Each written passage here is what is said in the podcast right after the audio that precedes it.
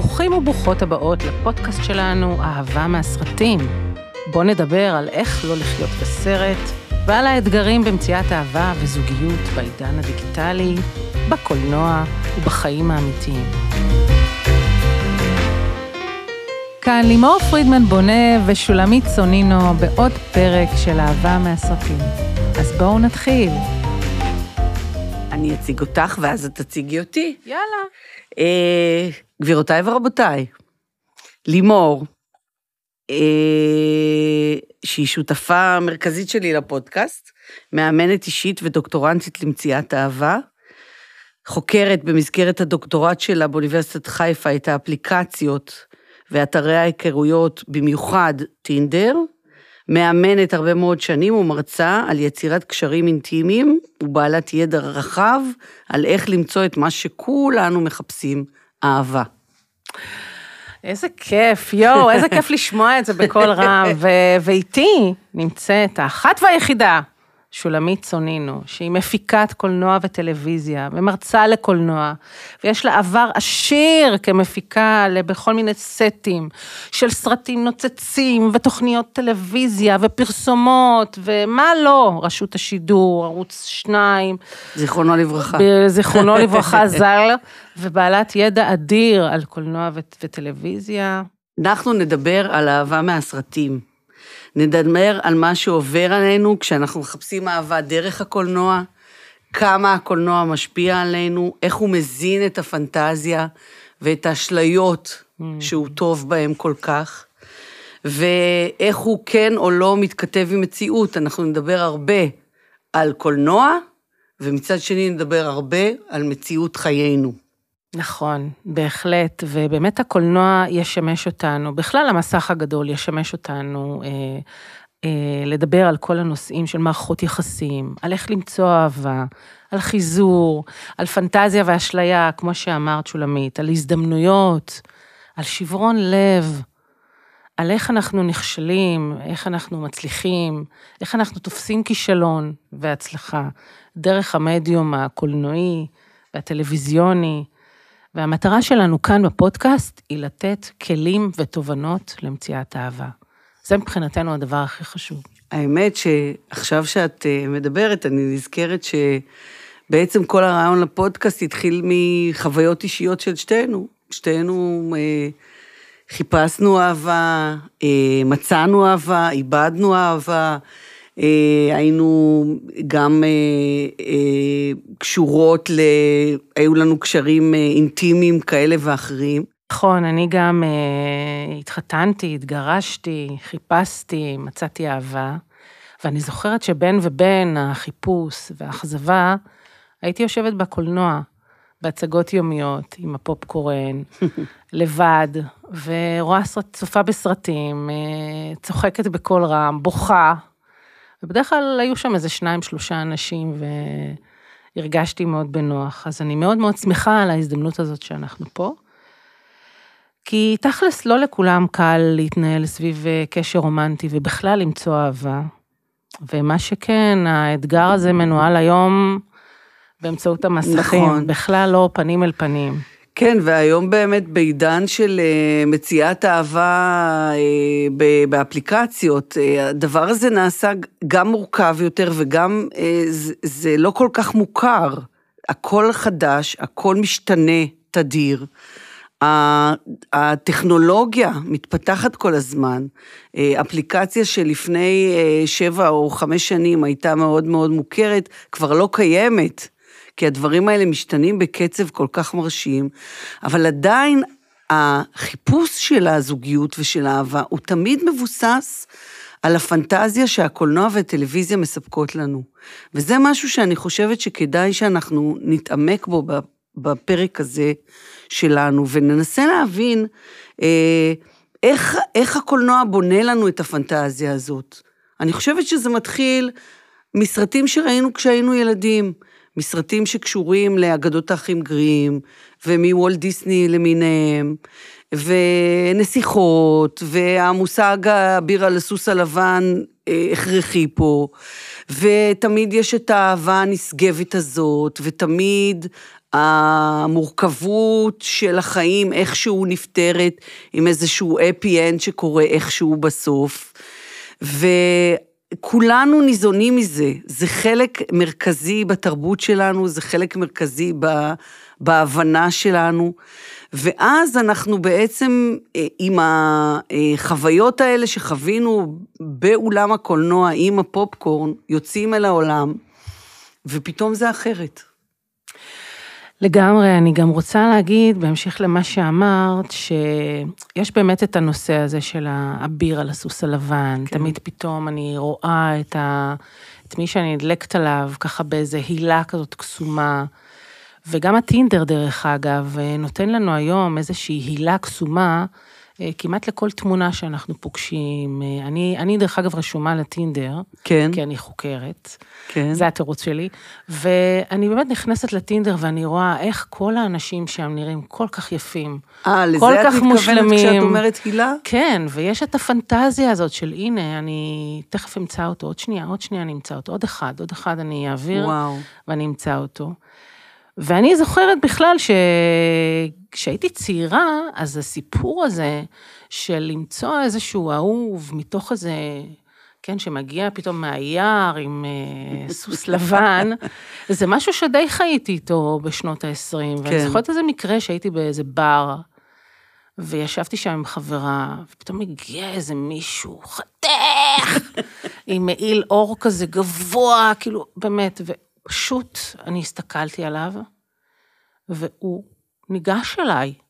מכל הבנות שהיו בפאב הטרמינל בירקון, בירקון שם, הוא ניגש אליי, ואחרי כמה דקות הוא שאל אותי אם אני רוצה לבוא איתו, והיה לו אופנוע ענק בחוץ, וחשבתי על זה, זה כמו באמת האביר על הסוס הלבן. כן, זה ענה לך על הפנטזיה. עם האופנוע, ממש. כי זה מה שעניין אותי אז, אופנועים וגברים וגברים מסוכסים. וחתיכים.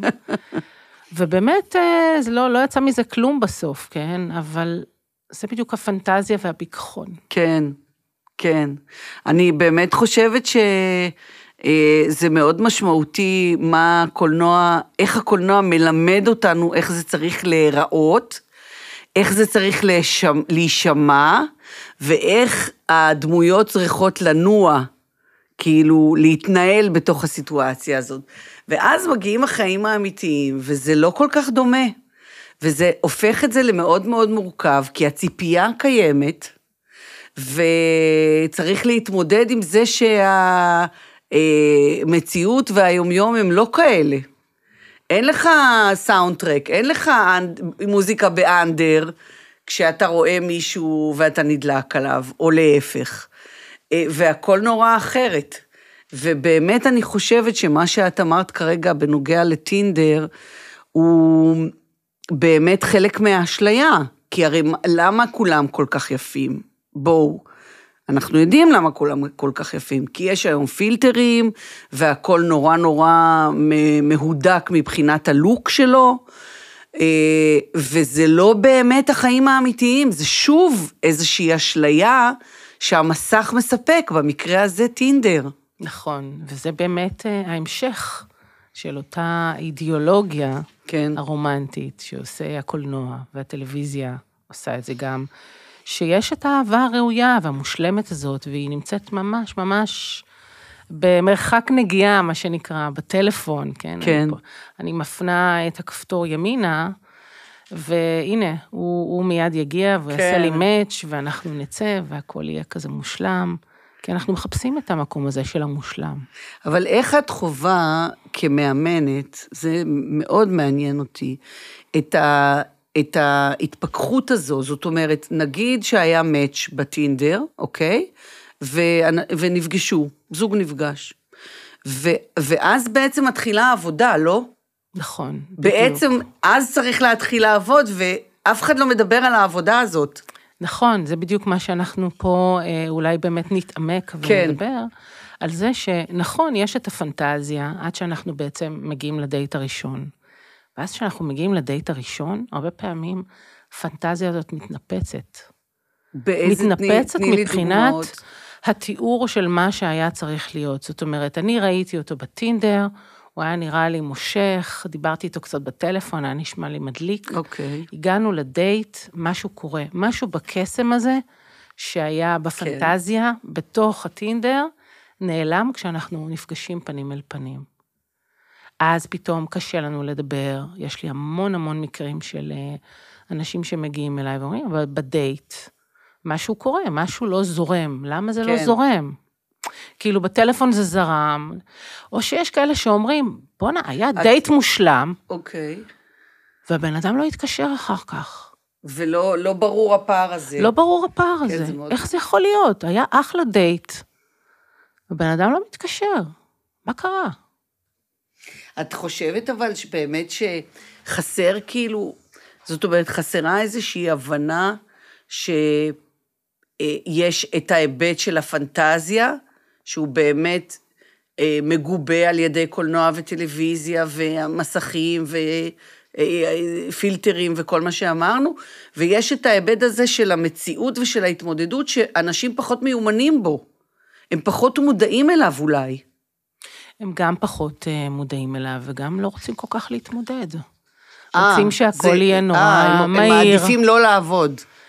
בעצם. אני לא, יודעת, אני לא יודעת אם הם מעדיפים לא לעבוד, אבל אני חושבת שיש פה איזה משהו, שבעצם הפנטזיה הזאת היא נורא שטחית. Mm, וכשאנחנו. מגיעים ואנחנו רואים, כשאנחנו נכנסים לטינדר, אנחנו רואים את הקליפה של הבן אדם, אוקיי? ואז כשאת מגיעה לדייט, את צריכה לראות את הבפנים שלו. והבפנים שלו זה משהו שלוקח הרבה זמן, ואין לנו והוא זמן. והוא לא כל כך קל. להכיר בן אדם שאת לא מכירה, שהוא זר לך, ולהתחיל להכיר אותו באמת, זה עבודה, עבודת נמלים בעצם. נכון, ואם אנחנו בלחיצת כפתור יכולים להעביר למישהו mm, אחר, הבנתי. אז למה שאני אבזבז את הזמן שלי עכשיו על מישהו שהיה נראה הבנתי. לי מושלם, ועכשיו הוא לא, ומחכים לי בטינדר עוד מלא אנשים. אז אם אני מבינה נכון את מה שאת אומרת, אז זאת אומרת שהטכנולוגיה במקרה הזה היא בעוכרינו.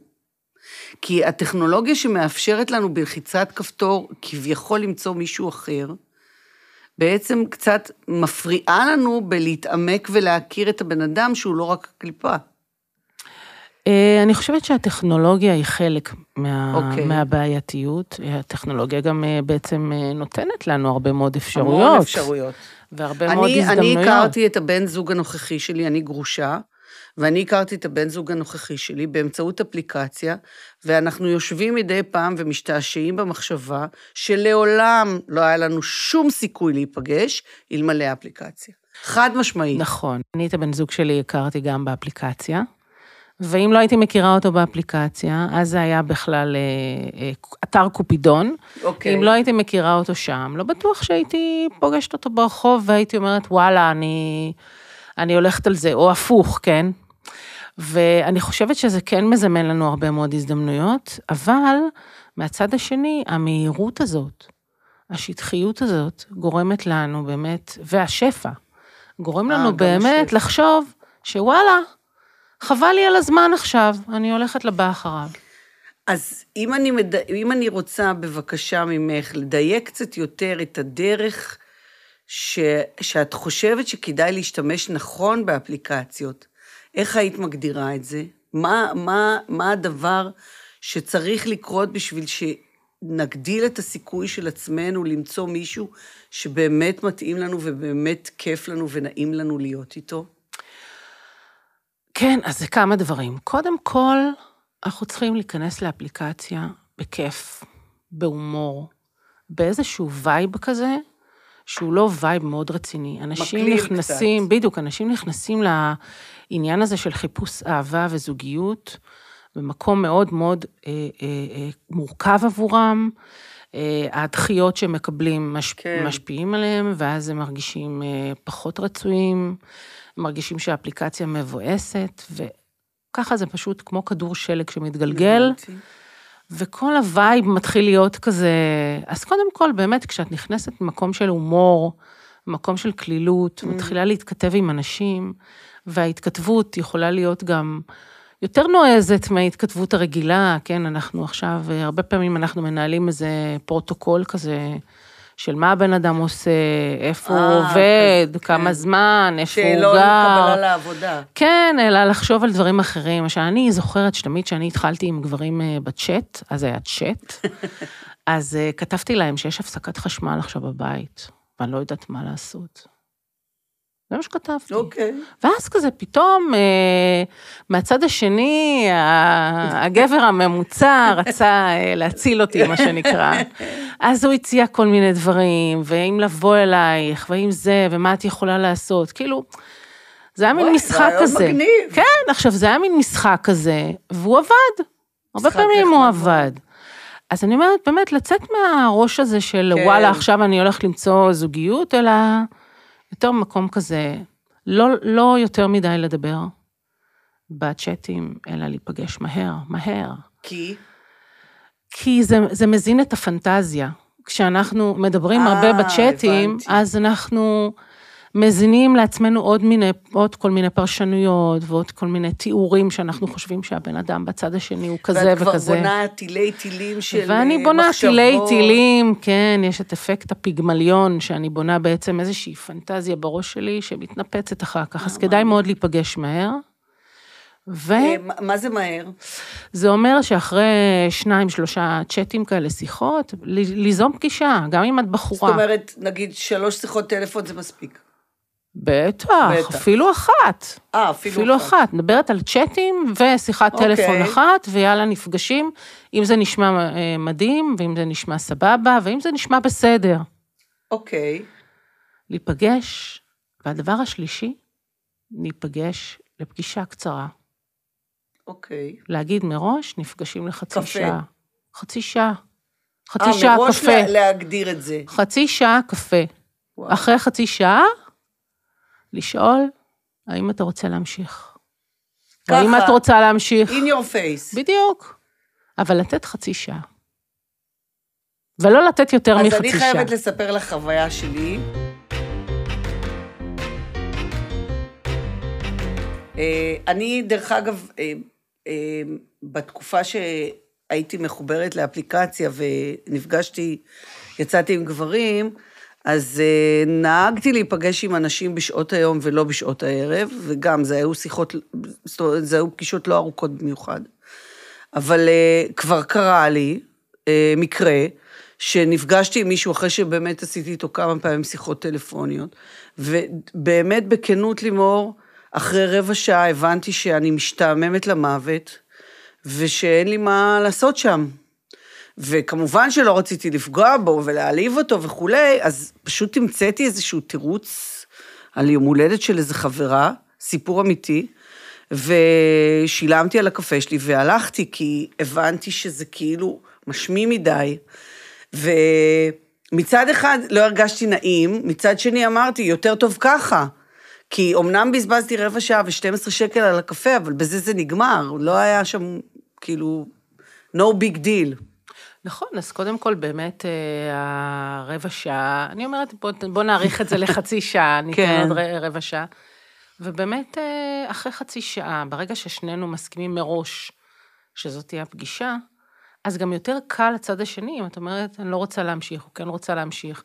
אני יכולה לתכנן את הדייט הבא שלי אחרי חצי שעה. אה, מה שאבל את מציעה פה, אם יורשה לי, אני באופן אישי, כן, אני, אני לא מה- מהתחום המחקרי ואני לא באה בתחום מאמנת, אני באה בתור חוויית משתמש, מה שנקרא. אה, הדבר שהכי קשה פה זה הקטע של הכנות. כי אם אחרי חצי שעה את מבקשת ממישהו שאת לא מכירה, שאת בעצם משאירה מבט, ואת אומרת, הולך או לא הולך, וזה מישהו זר, וזה דורש אה, רמה מאוד אה, גבוהה של, אה, של ישירות כלפיו. כן, אבל את יכולה להגיע, אפשר להציע שנגיד, אה, נגיד אה, אחד לשני, ממשיכים לקפה, בבית קפה, ואז השני יגיד, אני עייף. בזה זה נגמר. כן. זאת אומרת... כאילו, לא חייב להיות כל כך ישיר, את כן, אומרת. או שאפשר להחליט שאחרי חצי שעה כל אחד הולך לדרכו, מ- מראש. מראש. ואז אין את העול הזה כאילו של חייבים להמשיך. אין את העול הזה של להגיד אה, פנים מול פנים זה לא מתאים, אבל אני באופן אישי חושבת שזה כן, שזה כן נדרש להגיד, אה, לא, אני עייפה, אני. רוצה ללכת, או למה כאילו להשאיר את הבן אדם השני ב hold? אני חושבת שזה לא, לא כל כך הוגן. והיום יש את התופעה הזאת של ghosting, שאנשים נעלמים. זה, כן. אז אני אומרת, את, דווקא... את שומעת על זה הרבה?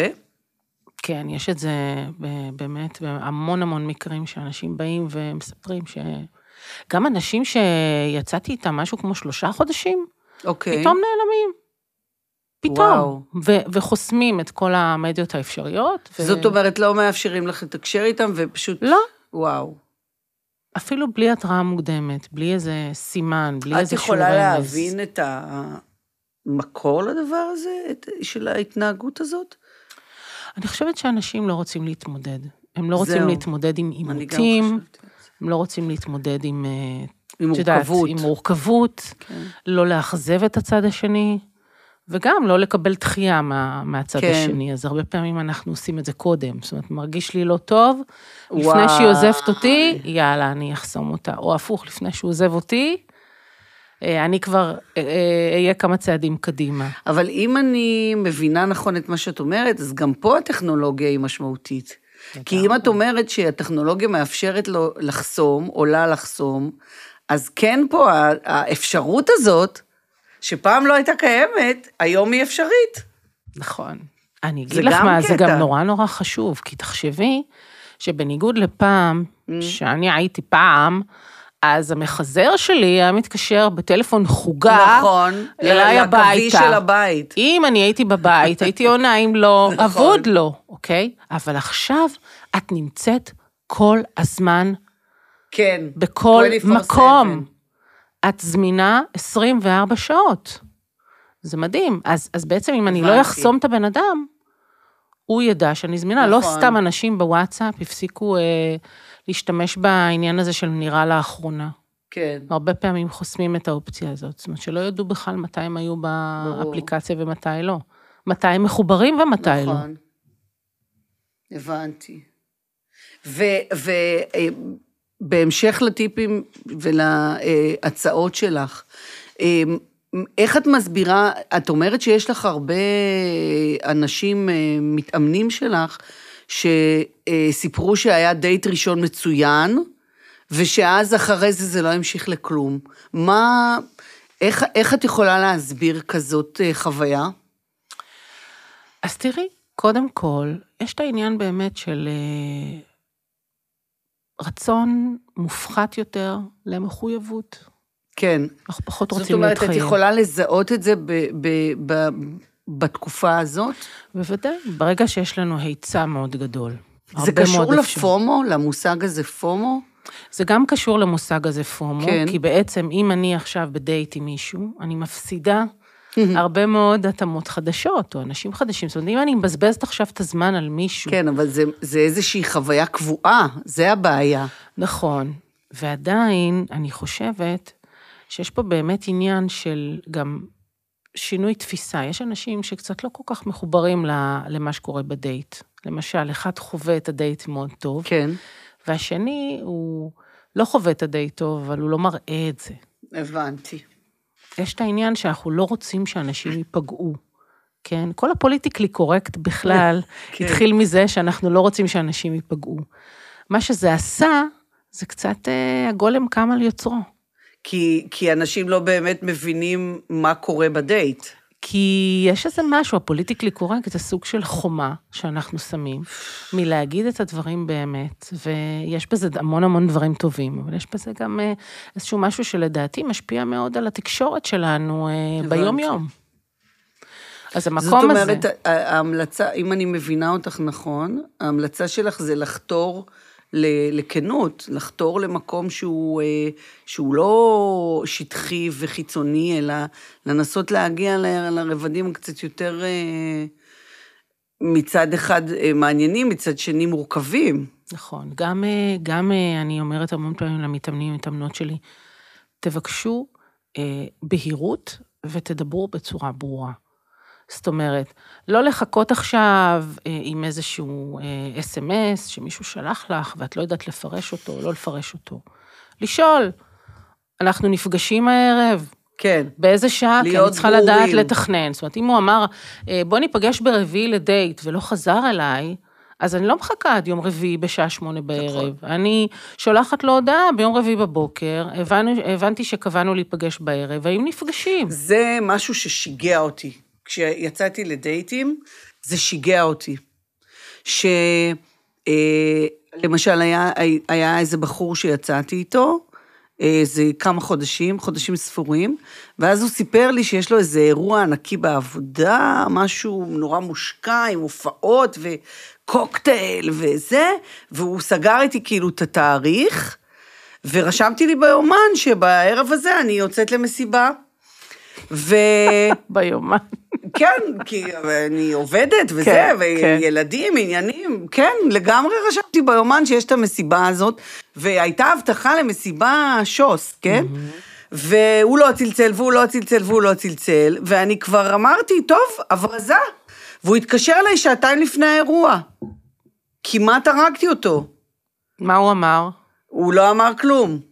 וזה בדיוק הבעיה, שזה מלכתחילה, אני כבר הבנתי שאין לי מי לדבר. רגע, אבל שהוא התקשר שעתיים לפני הוא האירוע. התקשר אה, ל- לתאם איתי מתי הוא בא לאסוף אותי. אה, כן, כאילו הכל בסדר, ואני השתגעתי מזה. בדיעבד אני הייתי צריכה לנהוג בדיוק כמו שאת אמרת. אני הייתי צריכה 24 שעות לפני האירוע לכתוב לו הודעה בוואטסאפ, אה, מה קורה, איך קורה, מה קורה, כי אני, יש לי עניינים. נכון מאוד. ואני הייתי, את יודעת, לא דיברתי איתך אז, טעות. והאמת שזה, זה, מבחינתי, מבחינת החוויה שלי, זה נדון לכישלון, ובאמת זה לא החזיק מים, הקשר הזה, אבל זה היה, מה זה לא לעניין, ואת מה זה צודקת. אז זה מה שאני אומרת, העניין של התקשורת הוא נורא נורא חשוב. לאנשים אין אומץ, הם לא רוצים להיראות אה, יותר מדי מתלהבים ויותר חושב- מדי נידים. אני חושבת שאנשים גם לא רוצים להרגיש שהם משתלטים. שהם משתלטים על הסיטואציה. כן, אבל אז מה שקורה, כן. שולי, הם מאבדים שליטה. זאת אומרת, ברגע שאת נכון. לא משתלטת, את מאבדת שליטה, את מאבדת שליטה על הזמן שלך. מישהו אחר, מהצד השני, הוא זה ששולט עכשיו רע בזמן מאוד, שלך. רע מאוד. כן? זו חוויה מאוד שלילית, אני יכולה לדבר ברמה הכי אישית, חוויה נוראית. אסור, אסור, אסור לאפשר את זה בעיניי, אני מסכימה איתך. אני גם אומרת, יותר מזה, אני אומרת לאנשים, תחליטו על שעה, כן. שעד השעה הזאת אתם מקבלים הודעות. מעבר לשעה הזאת, יש כבר פלן בי. נקודה. את יודעת, כל הדברים האלה שאנחנו מדברות עליהם, שהם מרתקים בעיניי, והם נורא נורא חשובים, ונורא מרכזיים במציאת אה, זוגיות בעידן הנוכחי, זה דברים שבקולנוע הם בכלל לא קיימים. תשימי לב, כל הנושא, כל השיחה של העשר דקות האחרונות שלנו, היא שיחה על, על, על החיים האמיתיים, על הדייטינג האמיתי, שאת לא רואה אותה בכלל בקולנוע. נכון. אין לך בכלל את החוויה הזאת שאת חווה כגבר או אישה שמחפשים זוגיות ב- ב- ב- בעידן שלנו. אין את זה. יש לך, את עמוסה בקולנוע ובטלוויזיה בקלישאות ובמניפולציות ובאיזושהי פנטזיה שבעצם אה, במקום לעזור לך ולנתב אותך למקומות שיסייעו לך, גורמת לך נזק. כי למה אנשים בעצם אה, לא אומרים את האמת, ולמה אנשים לא עובדים על העניין הזה של הכנות? כי הם רוצים את הזרימה הזאת שקיימת כביכול בסצנות האלה בקולנוע. לגמרי.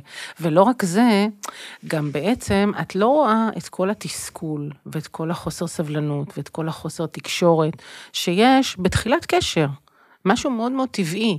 אבל זה ברור, משהו כי אתה לא מכיר אותו. את הפרטנר. נכון, ואת את לא רואה את זה בסרט או בסדרה.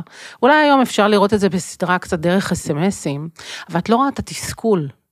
ממש מעט. ממש אני חושבת ש...